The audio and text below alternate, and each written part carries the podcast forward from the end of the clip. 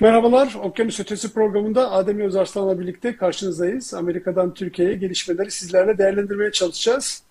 Hemen sıcak gündemle başlayalım mı Adem? Ne diyorsun? Ee, geçen hafta Evet, biliyorsun, gözler Roma'da. ge- gözler Roma'da. Geçen hafta biliyorsun Erdoğan e, Büyükelçiler meselesiyle alakalı bir kriz çıkardı. Sonra kriz bitti mi bitmedi mi o da daha belli değil. Hangi aşamada onu da birazdan konuşuruz. Erdoğan şimdi orada Azerbaycan'a gitti geldi. Gelirken işte uçakta Biden'la görüşeceğiz, görüşmeyeceğiz. Çok net şeyler söylemedi. Ee, sen ne diyorsun? Erdoğan-Biden görüşmesi gerçekleşebilir mi? Seçimlerin üzerinden neredeyse bir sene geçti. Daha Erdoğan'la Biden şöyle kelimenin tam anlamıyla bir oturup bir araya gelemediler. Daha doğrusu Biden tarafından, Amerikan yönetimi tarafından Erdoğan'a bir randevu verilmedi hala.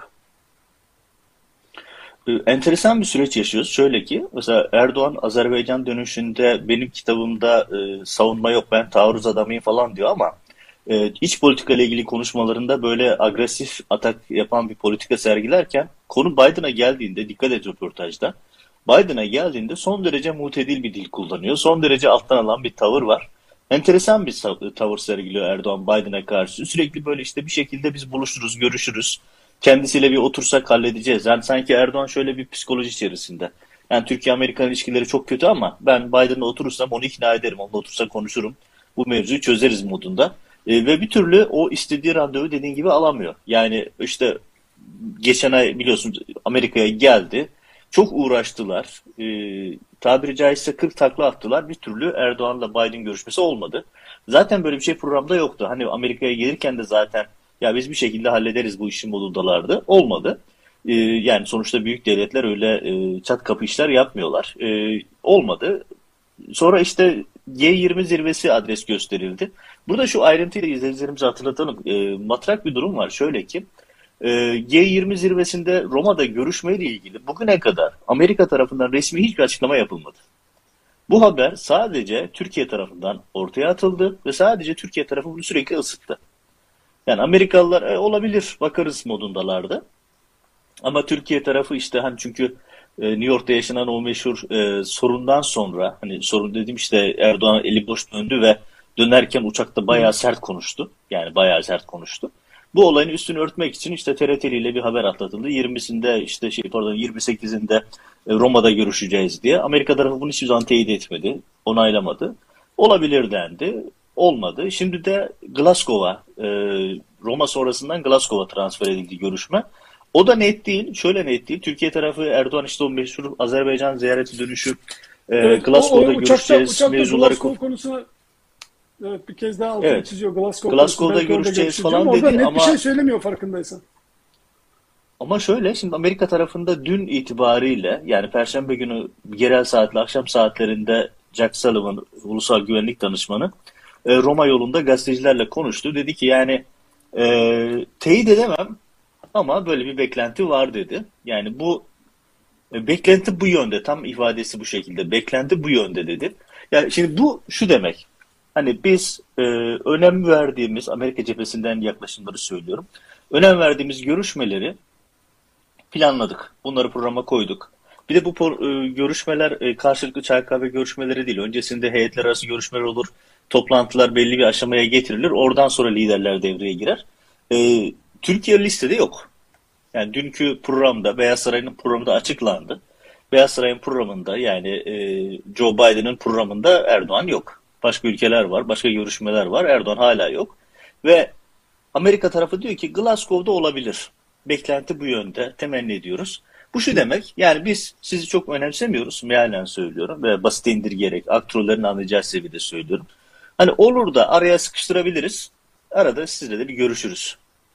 Şimdi bu görüşmeye verilen değerin de bir ifadesi. Bu çok önemli bir yaklaşım. Yani biz sizi çok da önemsemiyoruz. Arada fırsat bulursak ayaküstü bir görüşürüz ya da kısa bir görüşürüz demektir. Burada karşılıklı bilek bükme faaliyetleri devam ediyor.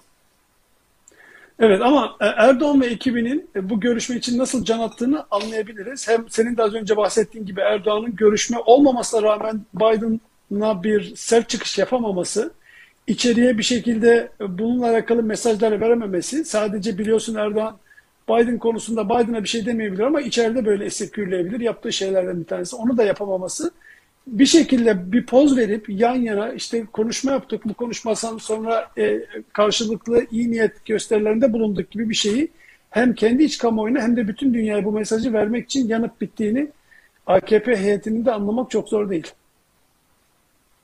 Tabii bir de e, Erdoğan'ın Biden'la samimi bir fotoğrafa ihtiyacı var. O fotoğrafı vermesi gerekiyor ki iç politikada bunu kullansın. E, Rusya'ya karşı bunu kullansın. Çünkü Rusya ile hala Erdoğan Amerika ile Rusya arasında bir e, oyun oynama e, düşüncesinde, psikolojisinde. E, böyle bir oyunu yok. E, öbür tarafların ikisi de hem Amerika hem de Rusya bu oyunu farkında. Çok da ona göre kendilerini konumlandırıyorlar ama Erdoğan bu oyunu oynadığını sanıyor. Yani Rusya'ya karşı Amerika'ya, Amerika karşı Rusya'yı kullanırım meselesinde. Ama o istediği fotoğrafı bir türlü alamadı. Tabii bu Amerika'da bunun farkında. Erdoğan'ın böyle e, adeta Biden'la fotoğraf vermek için ölüyor olduğunu görüyorlar. Tabii Amerika bir taraftan da şu mesajı da veriyor. Ya biz e, sizinle böyle konuşuyoruz ama ortada çok ciddi sorunlar var. Nedir mesela? İşte e, dün detayı ortaya çıktı. Daha önce çok bilinen bir şey değildi. Daha önce resmi olarak biliniyordu ama bu sembolik hareketinin detaylarını dün öğrendik. Nedir? Erdoğan New York'ta Birleşmiş Milletler toplantısı için bulunurken Amerika resmi olarak Türkiye'ye F-35'ten çıkartıldığını tebliğ etmiş. Tam da Erdoğan evet. New York'tayken tebliğ yapıyor. Tabi bu şu sembolik anlamı çok büyük bir hareket. Yani siz New York'ta işte herkesi devreye sokuyorsunuz. İşte biz bir şekilde Biden'la görüşebilir miyiz diye 40 takla atıyorsunuz. O aslında Amerikalılar diyor ki ya Biden görüşmesi yok ama buyur seni F-35'ten de resmen çıkarttık diyorlar. Yani şimdi Türkiye tarafı bunu sakladı. O gün bugündür. Neredeyse bir aydır saklıyordu. Amerika tarafı dün ifşa etti bunu. Dedi ki yani biz size bunu bu tarihte tebliğ ettik. Türkiye tarafından bilgi almak zaten mümkün değil biliyorsun. Yani haber yok Türkiye tarafında. E, Türkiye tarafı sadece propaganda istediği şekilde sunuyor bilgileri. Amerika tarafı dedi ki yani biz size e, geçtiğimiz ay tebliğ ettik. F-35 resmi olarak yoksunuz. Hani artık F-35'e dönmek istiyoruz falan gibi söylemlerin hiçbir anlamı yok. Şu an tek konuşulan konu var Türkiye ile Amerika arasında F-35'lerle alakalı olarak. Türkiye'nin ödediği peşinat, ön e, katılım payı nasıl iade edilecek onun konuşulması yapılıyor. Onun dışında bir şey yok. F-35 ile alakalı çok konuştuk. Onunla e, ilgili detaylar var ama şimdi bu konuya gelmeyeceğim. Onun yerine Erdoğan-Biden görüşmesiyle alakalı başka biraz detaylar üzerine gidelim istersen. Biden Erdoğan'a randevu vermemesi aslında işte Biden randevularının yoğunluğundan ya da görüşmek isteyip ama şartlar oluşmadığından değil, bilinçli olarak görüşmediğini şöyle ortaya koyuyor. Mesela Bartolomeo, Patrick Bartolomeo biliyorsun e, Amerika'ya ziyarette bulundu ve onunla da Biden direkt olarak görüştü. Beraber e, poz verdiler, e, kendi makamında görüştü. Hatta Bartolomeo sadece Biden'la değil, e, başka üst düzey yetkililerle de görüştü. İşte Joe Blinken'la görüştü, Dışişleri Bakanı Nancy Pelosi, Pelosi ile görüştü vesaire. Dolayısıyla gözüken o ki istedikleriyle görüşüyorlar ve çıkan tablo Erdoğan'la istemedikleri için görüşmüyorlar. Bu artık net olarak ortaya çıktı.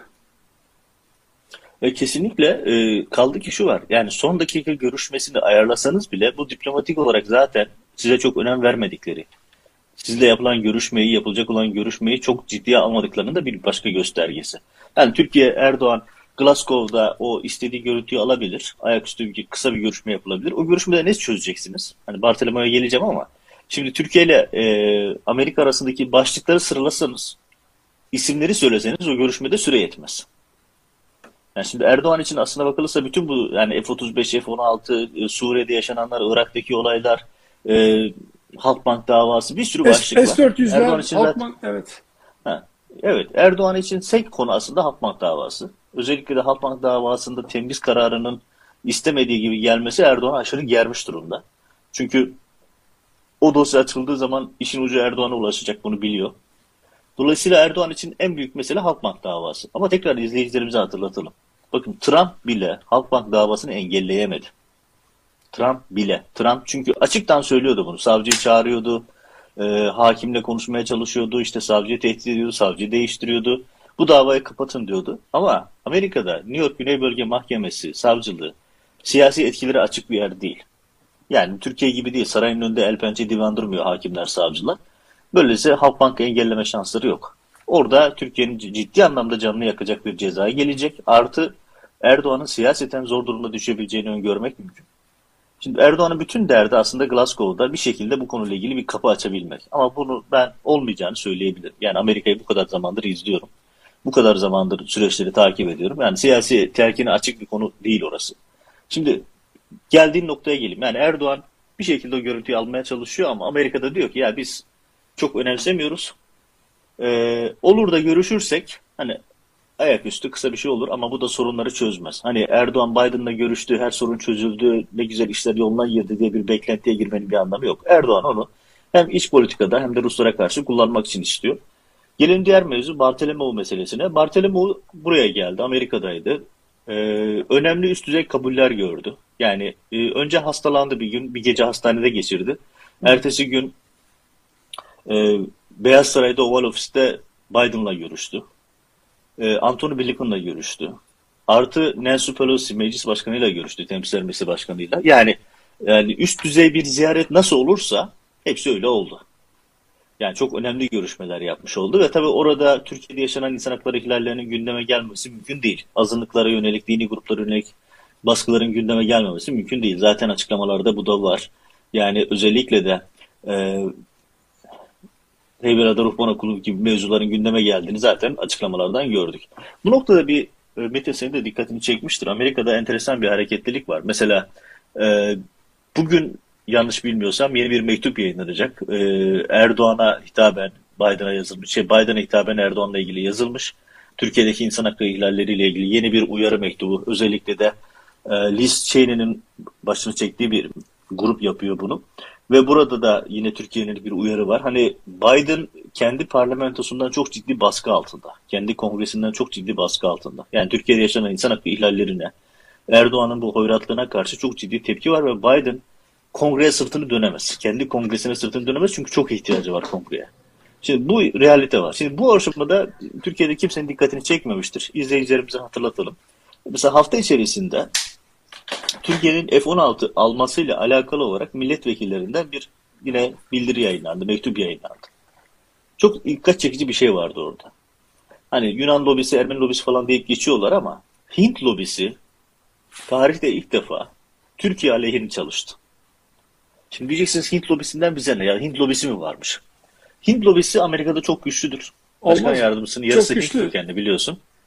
Ve Hint lobisi gerçekten Amerika'da çok güçlüdür. Hem para olarak hem sayı olarak hem de oy potansiyeli olarak. Hani Koreliler gibidir Hintliler Amerika'da. Ve Hint lobisinin gücünü gerçekten çok ciddi almak lazım. Bakın ilk defa Hint lobisi bu hafta içerisinde Türkiye'nin direkt karşısına geçti. F-16 dahi satmayın içerikli bir mektuba imza attı Hint lobisi. Şimdi bu niye önemli? Bu şu açıdan çok önemli. Erdoğan öyle bir başarılı oldu ki, başarının içerisine ünlem işareti koyalım. Ya Türkiye ile ilgili konularda her zaman kenarda duran, bağımsız, daha, daha tarafsız duran Hintleri bile karşıya itmeyi başardı. Nasıl yaptı? Bu işte Hindi, Pakistan politikasıyla yaptı. Pakistan'la ilgili söylemleriyle yaptı vesaire. Ama Washington'da düşünün tarafsız kalan, bu konularla ilgili görüş beyan etmeyen lobiler bile artık Erdoğan'ın karşısında. Ya biz F-16 bile alamayabiliriz. Yani Amerikan yönetimi F-16 satmak istiyor. Niye? Çünkü 1.4 milyar dolarlık bir para var. Hazır almışım parayı. Karşılığında da F-16 veririm. Böyle de daha fazla ticaret yaparım hesabında. Yani keş para vermek yerine bunu vereyim modunda yönetim. Ama kongre ona da engel koyuyor. Çünkü kongrenin onaya gerekecek orada da. Kongre ona da sıcak bakmıyor. Yani F-16 bile alamayabiliriz. Bak F-35 gitti. Zaten F-35 tamamen tarihten silindi artık Türkiye'nin pozisyonu. Bakın başka hiçbir şeye ihtiyaç yok Metin. Sadece Türkiye'nin F-35 programından çıkmasına neden olmak vatana ihanetle eşdeğerdir. Türkiye'nin geleceğini tehlikeye attı Erdoğan rejimi. Bütün bunlar bütün bunlar yaparken kendi tabanını öyle uyutmayı başarıyor ki Erdoğan. E, geçenlerde görmüşsündür. E, benim de ta üniversite yıllarında kitaplarını okuduğum Emine Şenlikoğlu var, vardır.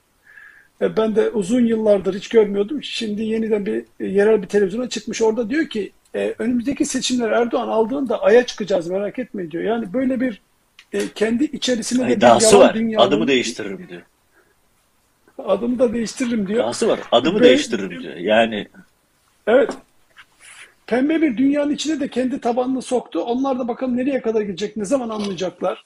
Türkiye'nin bu kaybettiği pozisyonu ne zaman yeniden sağlaması için kendilerine gelecekler, silkinecekler. Vallahi ben de merakla bekliyorum yani.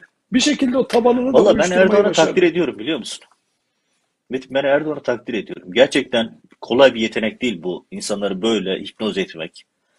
Yani bu kadar aleni rezaletlere, skandallara, ortaya dökülen bütün bu tabloya rağmen İşte Emine Şenlik oldu ya. Yani yaşı başı açmış nereden baksan 80'i vardır. Çünkü biz 25 senedir Vardır vardır. piyasadayız. Ben de üniversite yıllarında okuduğum bir yazardı. Ee, herkesin okuduğu yazarlardan birisiydi.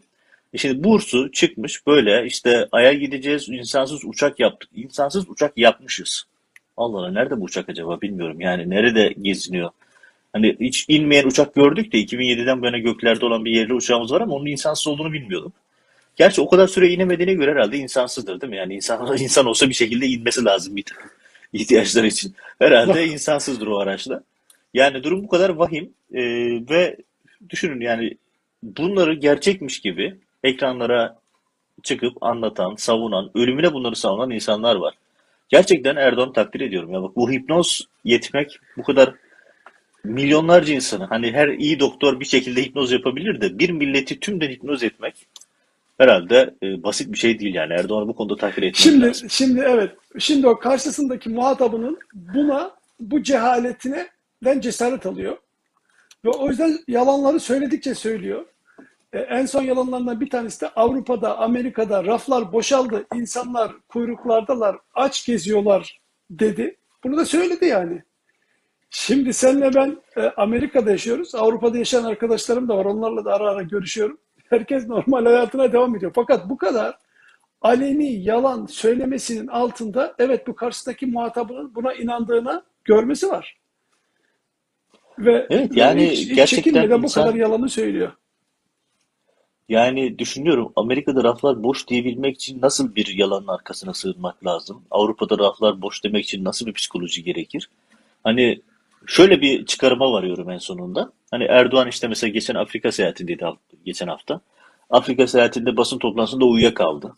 İşte burnunu karıştırıyordu vesaire böyle şeyler yapıyordu. Herhalde diyorum Erdoğan hani akli melekelerini kaybediyor, ceza ehliyeti yok demek için falan çalışıyor. Herhalde oraya doğru gidiyor. Başka bir izahı yok çünkü. Yani şimdi herhangi birisine Amerika'da, Avrupa'da raflar boş, insanlar aç kalıyor dediğin zaman şöyle bir düşünür. Ya bu adam herhalde akli melekelerini kaybediyor. Yani çünkü böyle bir şey yok. Yani nereden çıktı bu? Yani bunu Fatih Tezcan gibi tipler söyleyebilir ama sen Türkiye Cumhuriyeti'nin Cumhurbaşkanı sıfatıyla meydanlara çıkıp insanlara bunu söyle. Herkes seni kaydediyor, kameralar görüyor, ulusal ulusal basın seni çekiyor, uluslararası basın kaydediyor. Bunu biliyorsun. Yalan olduğunu artık yalan olduğunu bilmiyor mu? Orada başka bir dünyada mı yaşıyor bilmiyorum. Galiba öyle bir ara ara başka bir dünyaya gidiyor geliyor Valla yani e, Erdoğan bu konuda başarılı toplumu hipnoz etmeyi başardı. Bütün muhalif sesler, bütün muhalif kanallar susturuldu.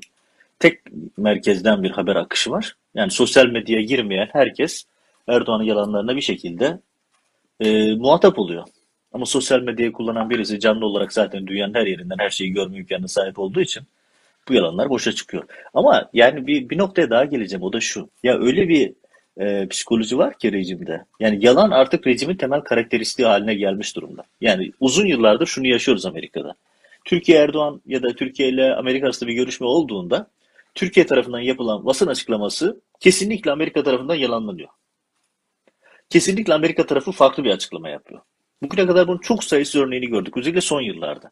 Yani şimdi düşün mesela Büyükelçi krizi başladı. Ben Amerika Dışişleri Bakanlığı burada her yabancı gazetecinin yaptığı gibi Dışişleri. Bakanlığı'nı arayıp e, Türkiye tarafı geri adım şeklinde bir e, şey söylüyor. Bir yorumunuz var mı diye her gazetecinin yaptığı şeyi yaptım.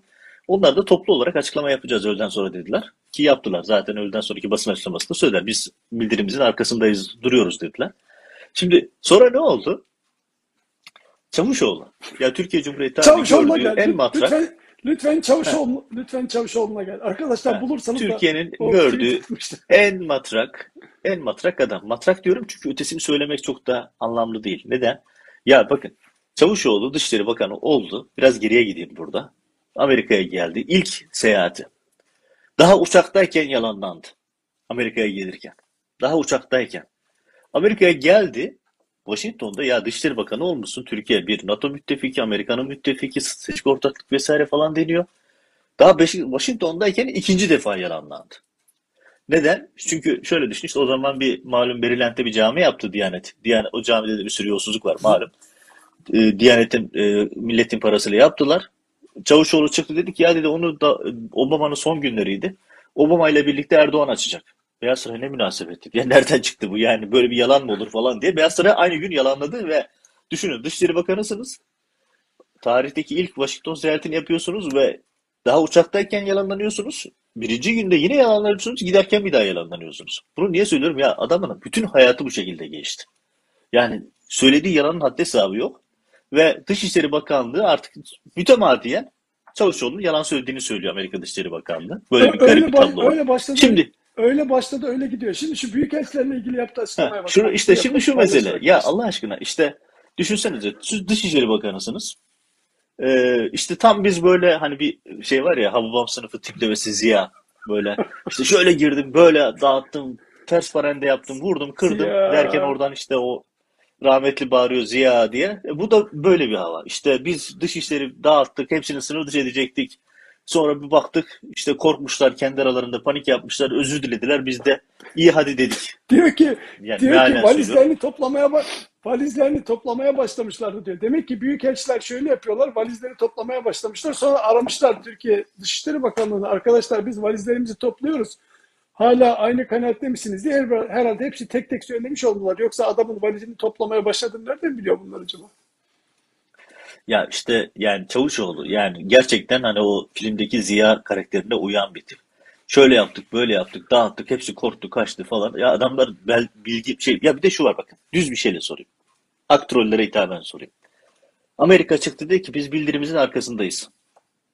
Direkt olarak basın toplantısında. Çünkü benim sorum da öyleydi. O şey de öyleydi. Diğer gazeteciler de aynı şeyi sordular. Bildirinin arkasındayız dediler. Peki o zaman ne yaptın? Hani sınır dışı mı ettin?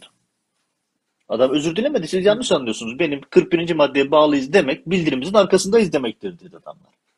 Peki ne oldu? Şimdi şeye döndüler. Ee, genç diplomatlar yapmış.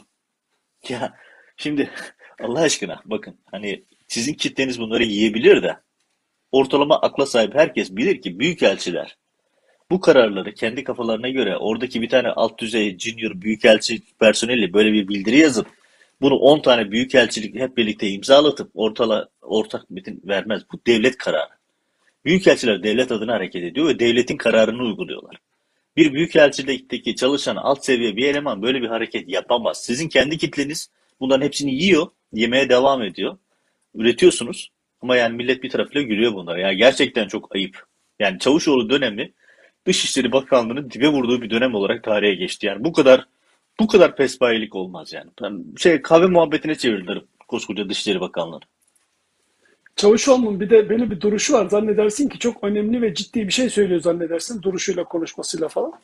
O adam böyle o ciddiyette yalan söylüyor. O, o, o böyle televizyon programı karşısındaki bir e, anchorman'in karşısında, anchorwoman'ın karşısında her neyse bayağı ciddi ciddi konuşuyor ama konuşurken yalan söylüyor. Yani böyle Erdoğan ve onun çevresine doğru yayılan böyle yalanın normalleşmesi oluştu artık yani Türkiye'de. Muhtemelen onların kendi tabanlarında, kendi aralarında konuşurken de artık yalan sıradanlaşmıştır iyice her şeyde.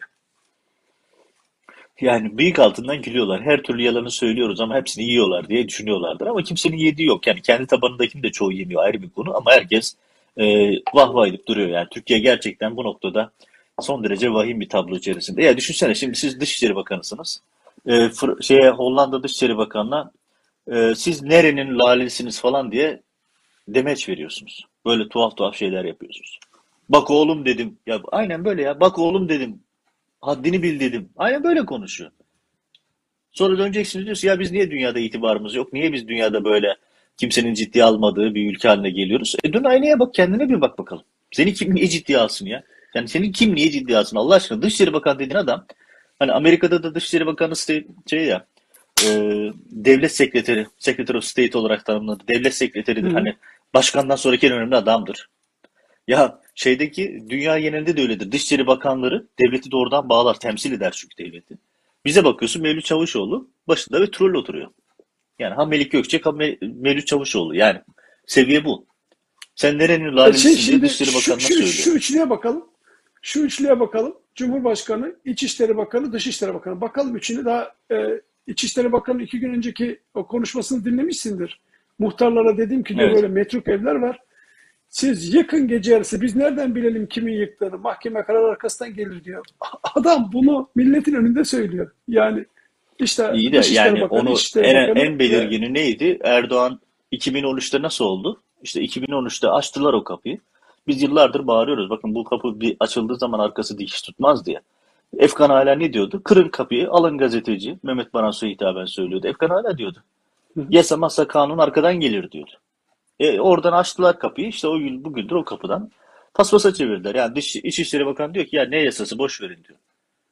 E işte tablo bu. E şimdi İçişleri Bakanı Fakat böyle olursa, şimdi Dışişleri Bakanı böyle olursa Erdoğan da böyle işte e, hayal aleminde yaşamaya devam eder.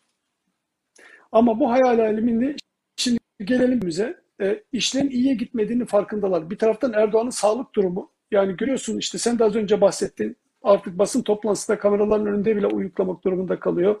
Yürürken ne kadar yalpaladığını hep beraber görüyoruz. Onun sağlık durumunun yakınındakiler iyiye gitmediğinin farkındalar o belli. E, bir taraftan siyasi olarak ekonominin geldiği durum siyaseti iyice geriliyor. AKP'nin artık e, söyleyecek bir şey kalmadı. Yayıcı'ya bakarsan o başka mevzu oraya girmeyeceğim tekrar. E, ekonomi iyice Yo e, oraya girelim almış orada başka bir başlık var insan. onu açalım. Tamam Oraya sonra gelelim orada şi- önemli bir başlık var. oraya gelelim. Tamam. Şimdi ekonominin böyle durumu böyle. Siyasetin iyice sıkıştılar. Muhalefet biraz sanki kendine gelmeye başladı. Böyle muhalefetliğe yakışır birkaç cümle kurdular, birkaç açıklama yaptılar falan.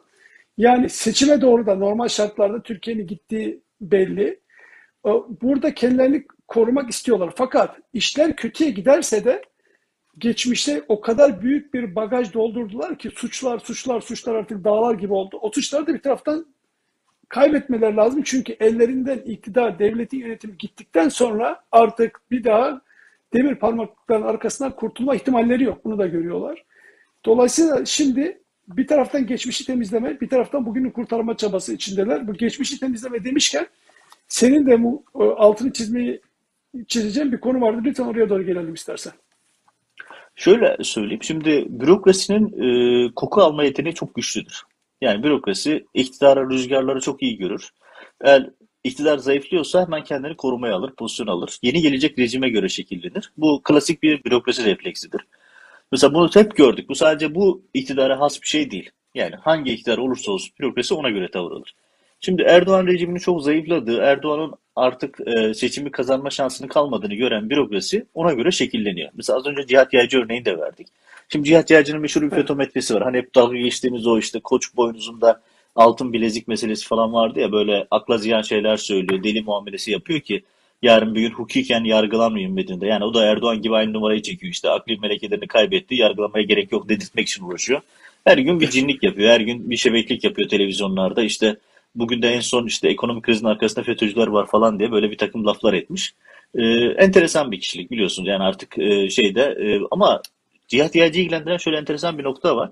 Biliyorsun o övünerek anlattı. Nedim Şener kitabını yazdı. İşte övünerek anlattı. FETÖmetre diye bir şey uygulandı, getirildi işte. Soykırım pratiği bu. FETÖmetre dedikleri şey bir soykırım pratiği. İşte Cihat Yaycı benim buluşum falan diye. Cihat Yaycı'nın FETÖmetre'nin mucidi olarak lanse edildi. Her yere böyle aktarıldı. Ama son dönemde ilginç bir gelişme var. İşte o da rejimin dönüş- dönüşmeye, değişmeye başladığının bir başka delili. E, FETÖmetre'nin uygulandığı ateş şube kapatıldı. Deniz Kuvvetleri bünyesinde. Dahası o şubede çalışanlar dağıtıldı ve şimdi Deniz Kuvvetleri de Genelkurmay da Cihat Yaycı'ya diyor ki ya bir sus. Yani mealen söylüyorum. Direkt olarak haber gönderiyor. Ya bir sus artık yeter. Yani yargılanacağız senin yüzünden. Çünkü salak salak konuşuyorsun mealen söylüyorum. Yargılanacağız. Böyle tuhaf tuhaf şeyler söylüyorsun ekranlarda diye. Ee, bayağı bir e, fırçalandı. Hatta küfürlü kıyametli laflar da uğraşıyor bu şekilde. Ve en son gelinen nokta şu. e, bu konuda e, Cihat Yaycı topun altına gidiyor. Yani Genelkurmay'da Deniz Kuvvetleri de ya bu iş Cihat Yaycı'nın başının altından çıktı. Biz burayı kapattık. Birimi dağıttık. Böyle bir şey yok. Şimdi delilleri imha etmekle meşguller. Bunun benzeri bir hareket emniyette var. Bakın emniyetin rol al- çalması daha da siyasi bir tavırdır.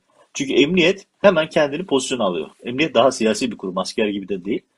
Ve Erdoğan sonrasına Hı. hazırlanıyor şu anda emniyet. Ne gibi? Kastettiğim şey şu. Bütün bu cemaat davalarında, FETÖ davaları dedikleri o akıl tutulması işlerde bir tane referans kılavuz var.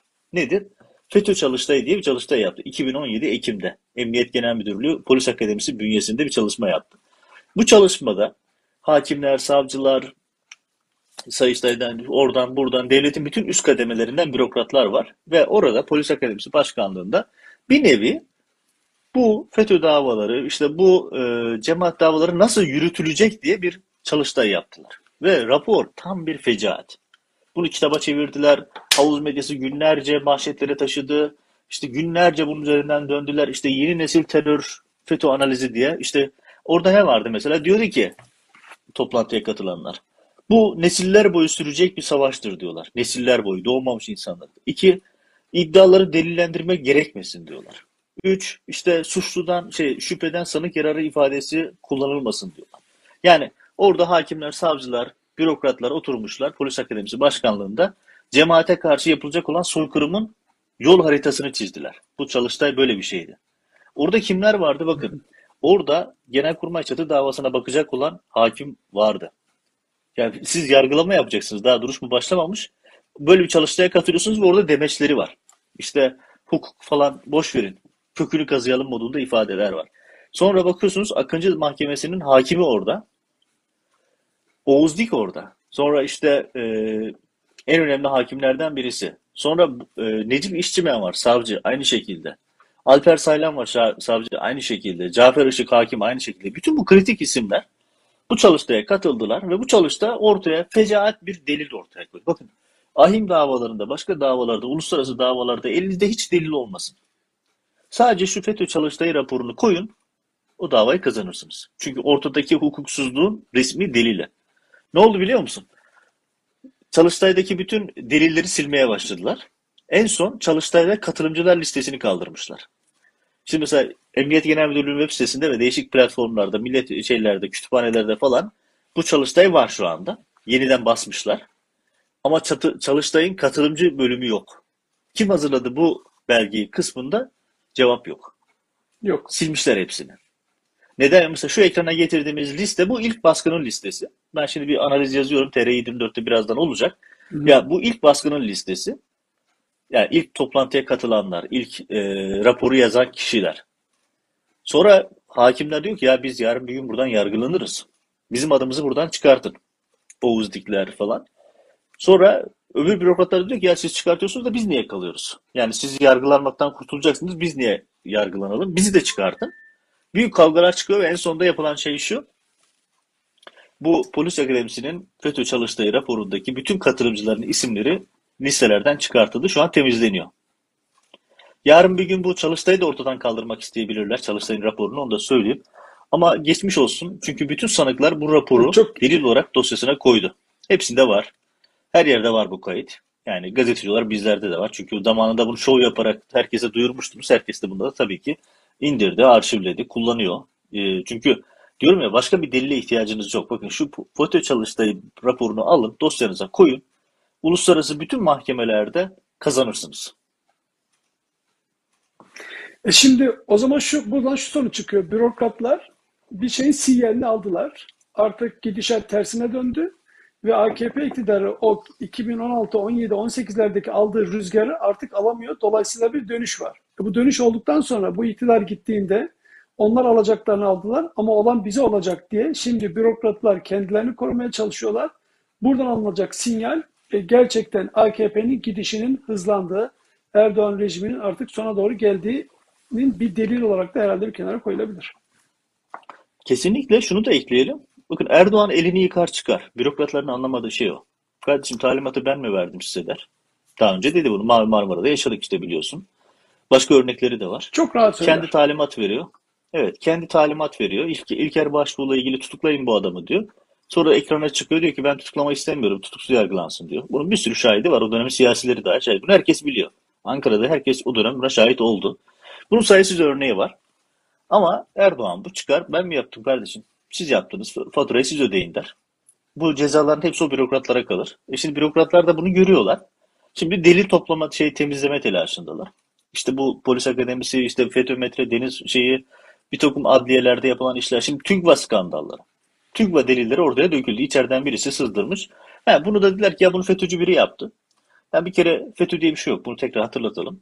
O kim sızdırdıysa eline sağlık. Yani kim yaptı bilmiyorum ama eline sağlık. Çünkü bu bizim gazetecilik için bu sızdırmalar önemli. Son derece e, büyük bir skandalın kapağını açmış. Şimdi her yerde aynı korku var. Acaba bizim yaptıklarımızda sızdırıldı mı ya da bir şekilde birileri bunları kopyaladı mı? E, bu panik var şu anda ve herkes bir şekilde delilleri temizleme telaşında. Bir de şöyle bir detay aktarayım. Son dönemde Amerika'ya e, ve Avrupa'nın bazı ülkelerine taşınmak isteyen e, AKP'li sayısı ya da iktidarın yandaşları sayısında ciddi bir artış var. Yani ne gibi ciddi bir artış? Mesela herkesin tanıdığı, kamuoyunun yakından bildiği isimlerden bir tanesi benim Amerika'daki bir dostumu aramış. Eskiden dostlukları var demek ki. Demiş ki ya burada işler çok kötü. Ben çoluğu çocuğu toplayıp Amerika'ya gelsem ne iş yaparım?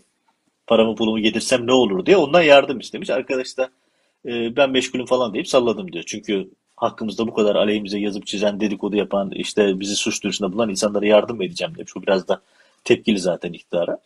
Ama şu çok ilginç.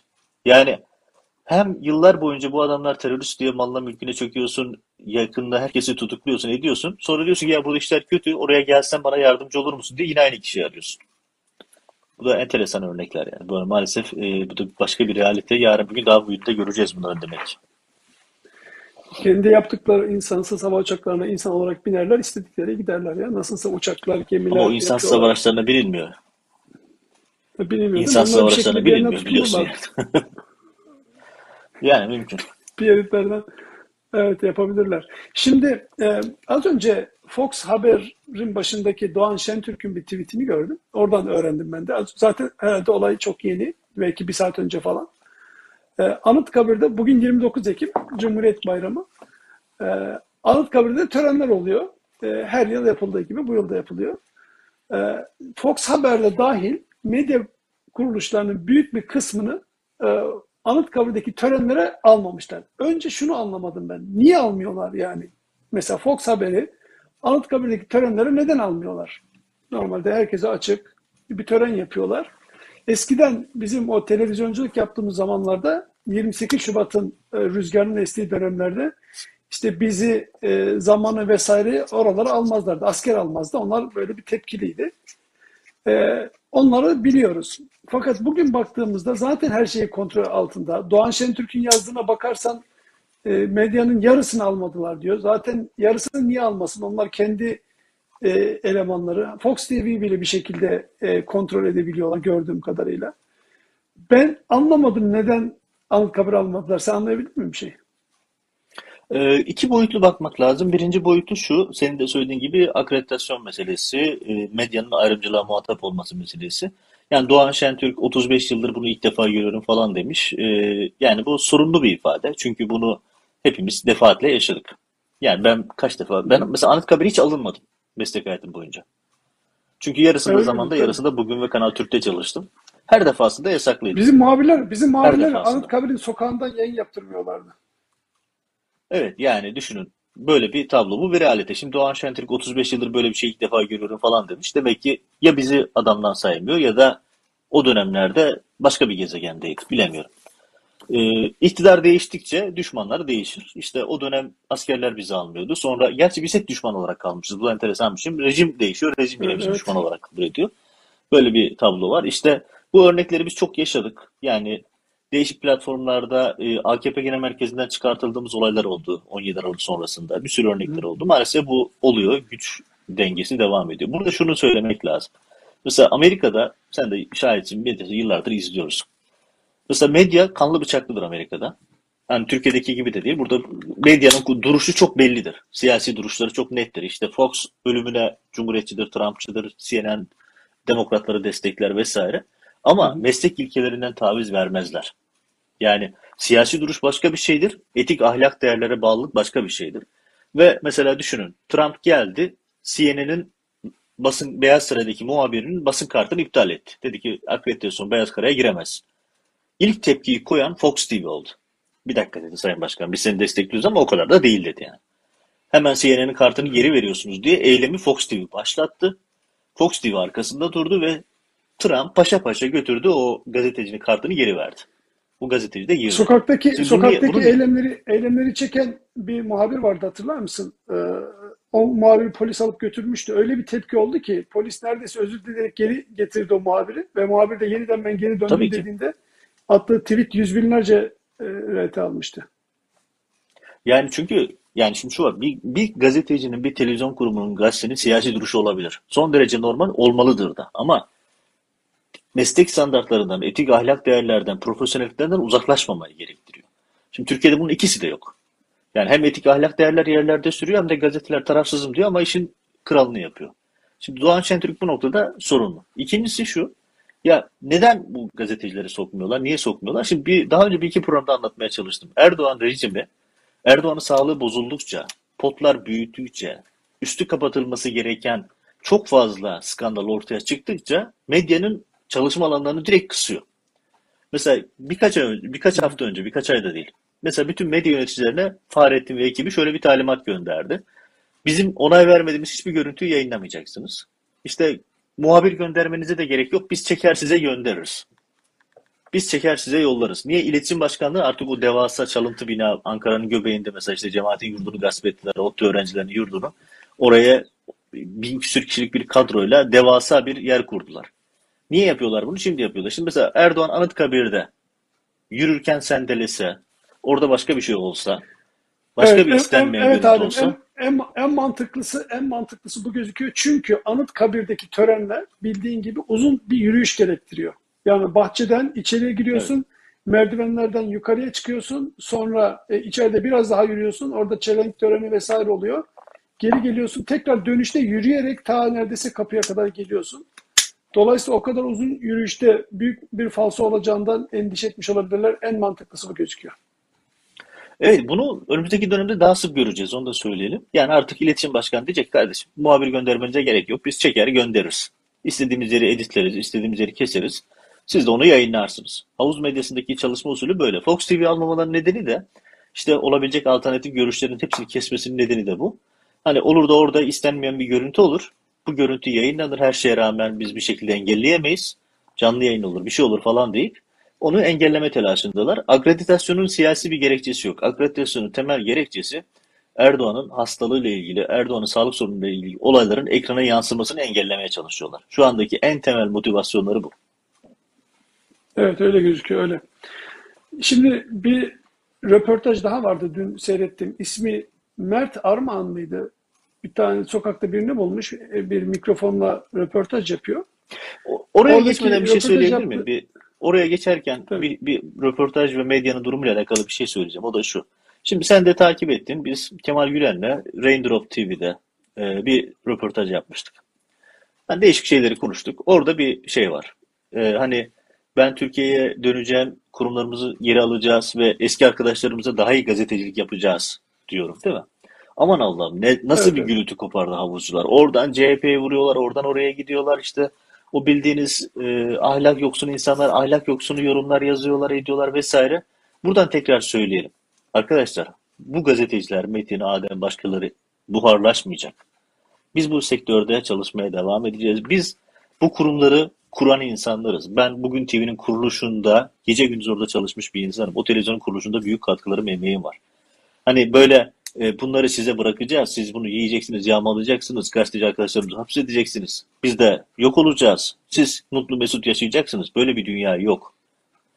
Yaptığınız şeylerin hepsini sizin yüzünüze koyacağız, göstereceğiz. Bundan korkmayın, kaçmayın. Bunu yaşayacaksınız.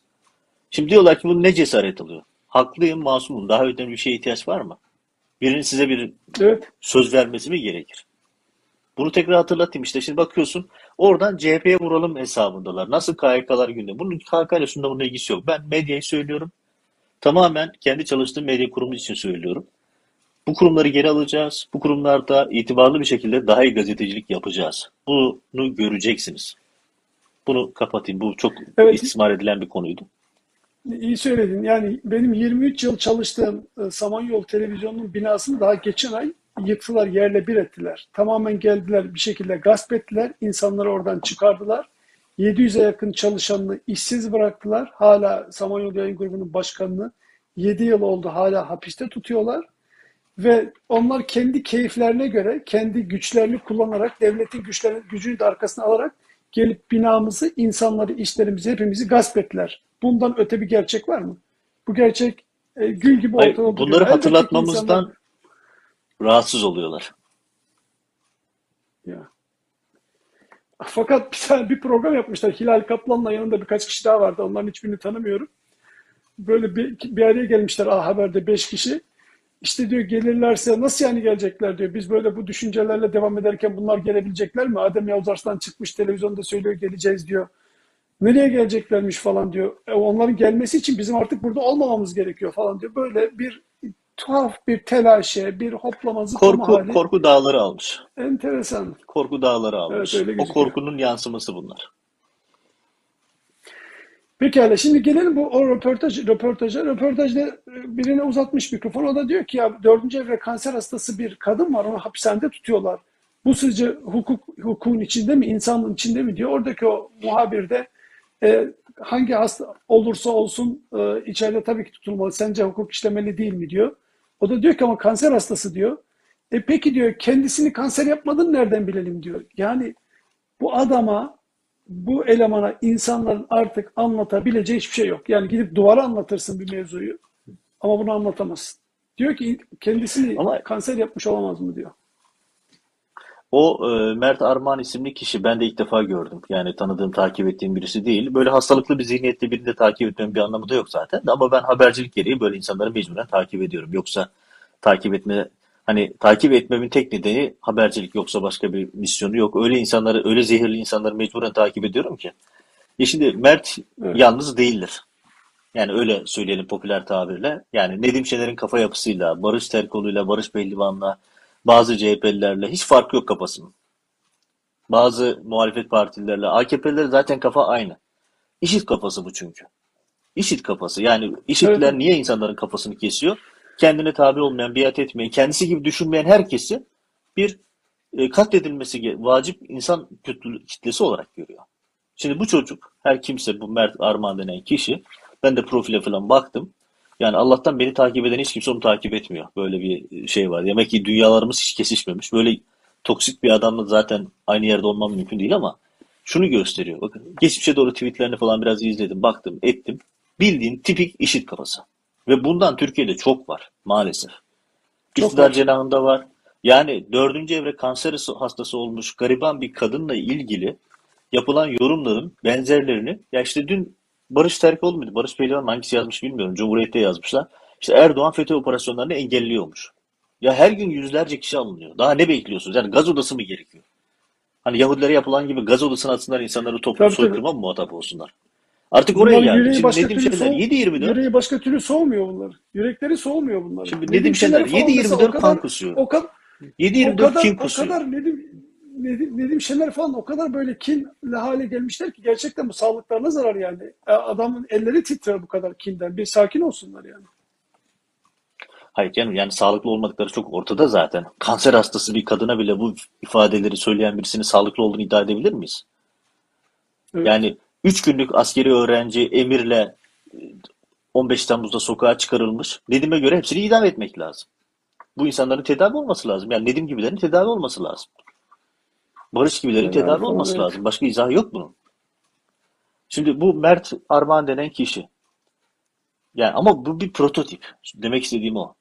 Bu tipte çok fazla insan var. Mesela kendi bir de şöyle bir şey var. Kendi yalanlarına kendilerini inandırıyorlar. Mesela nedir? İşte diyor ki o özel bir yurtta yöneticiydi diyor. Mesela karşısındaki kimse hani çok Türkiye'deki bütün bu zehirli atmosfere rağmen demek ki hala aklı selim insanlar kalabiliyor. Ya karşıdaki genç kimse çok takdir ettim. Aklı selim şeyler söylüyor. Diyor ki ya kardeşim bu adam bir özel yurtta yönetici.